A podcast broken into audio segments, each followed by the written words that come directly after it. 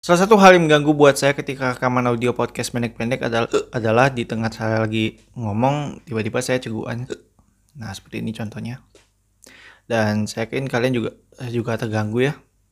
Dan biasanya saya langsung menghentikan rekaman dan berusaha untuk membuat ceguannya berhenti. Tapi kali ini saya mencoba rekaman audio sambil ceguannya. Dan saya sedikit tidak fokus kali ini. Dan saya juga bingung dengan apa yang ingin saya bicarakan. Maaf ya.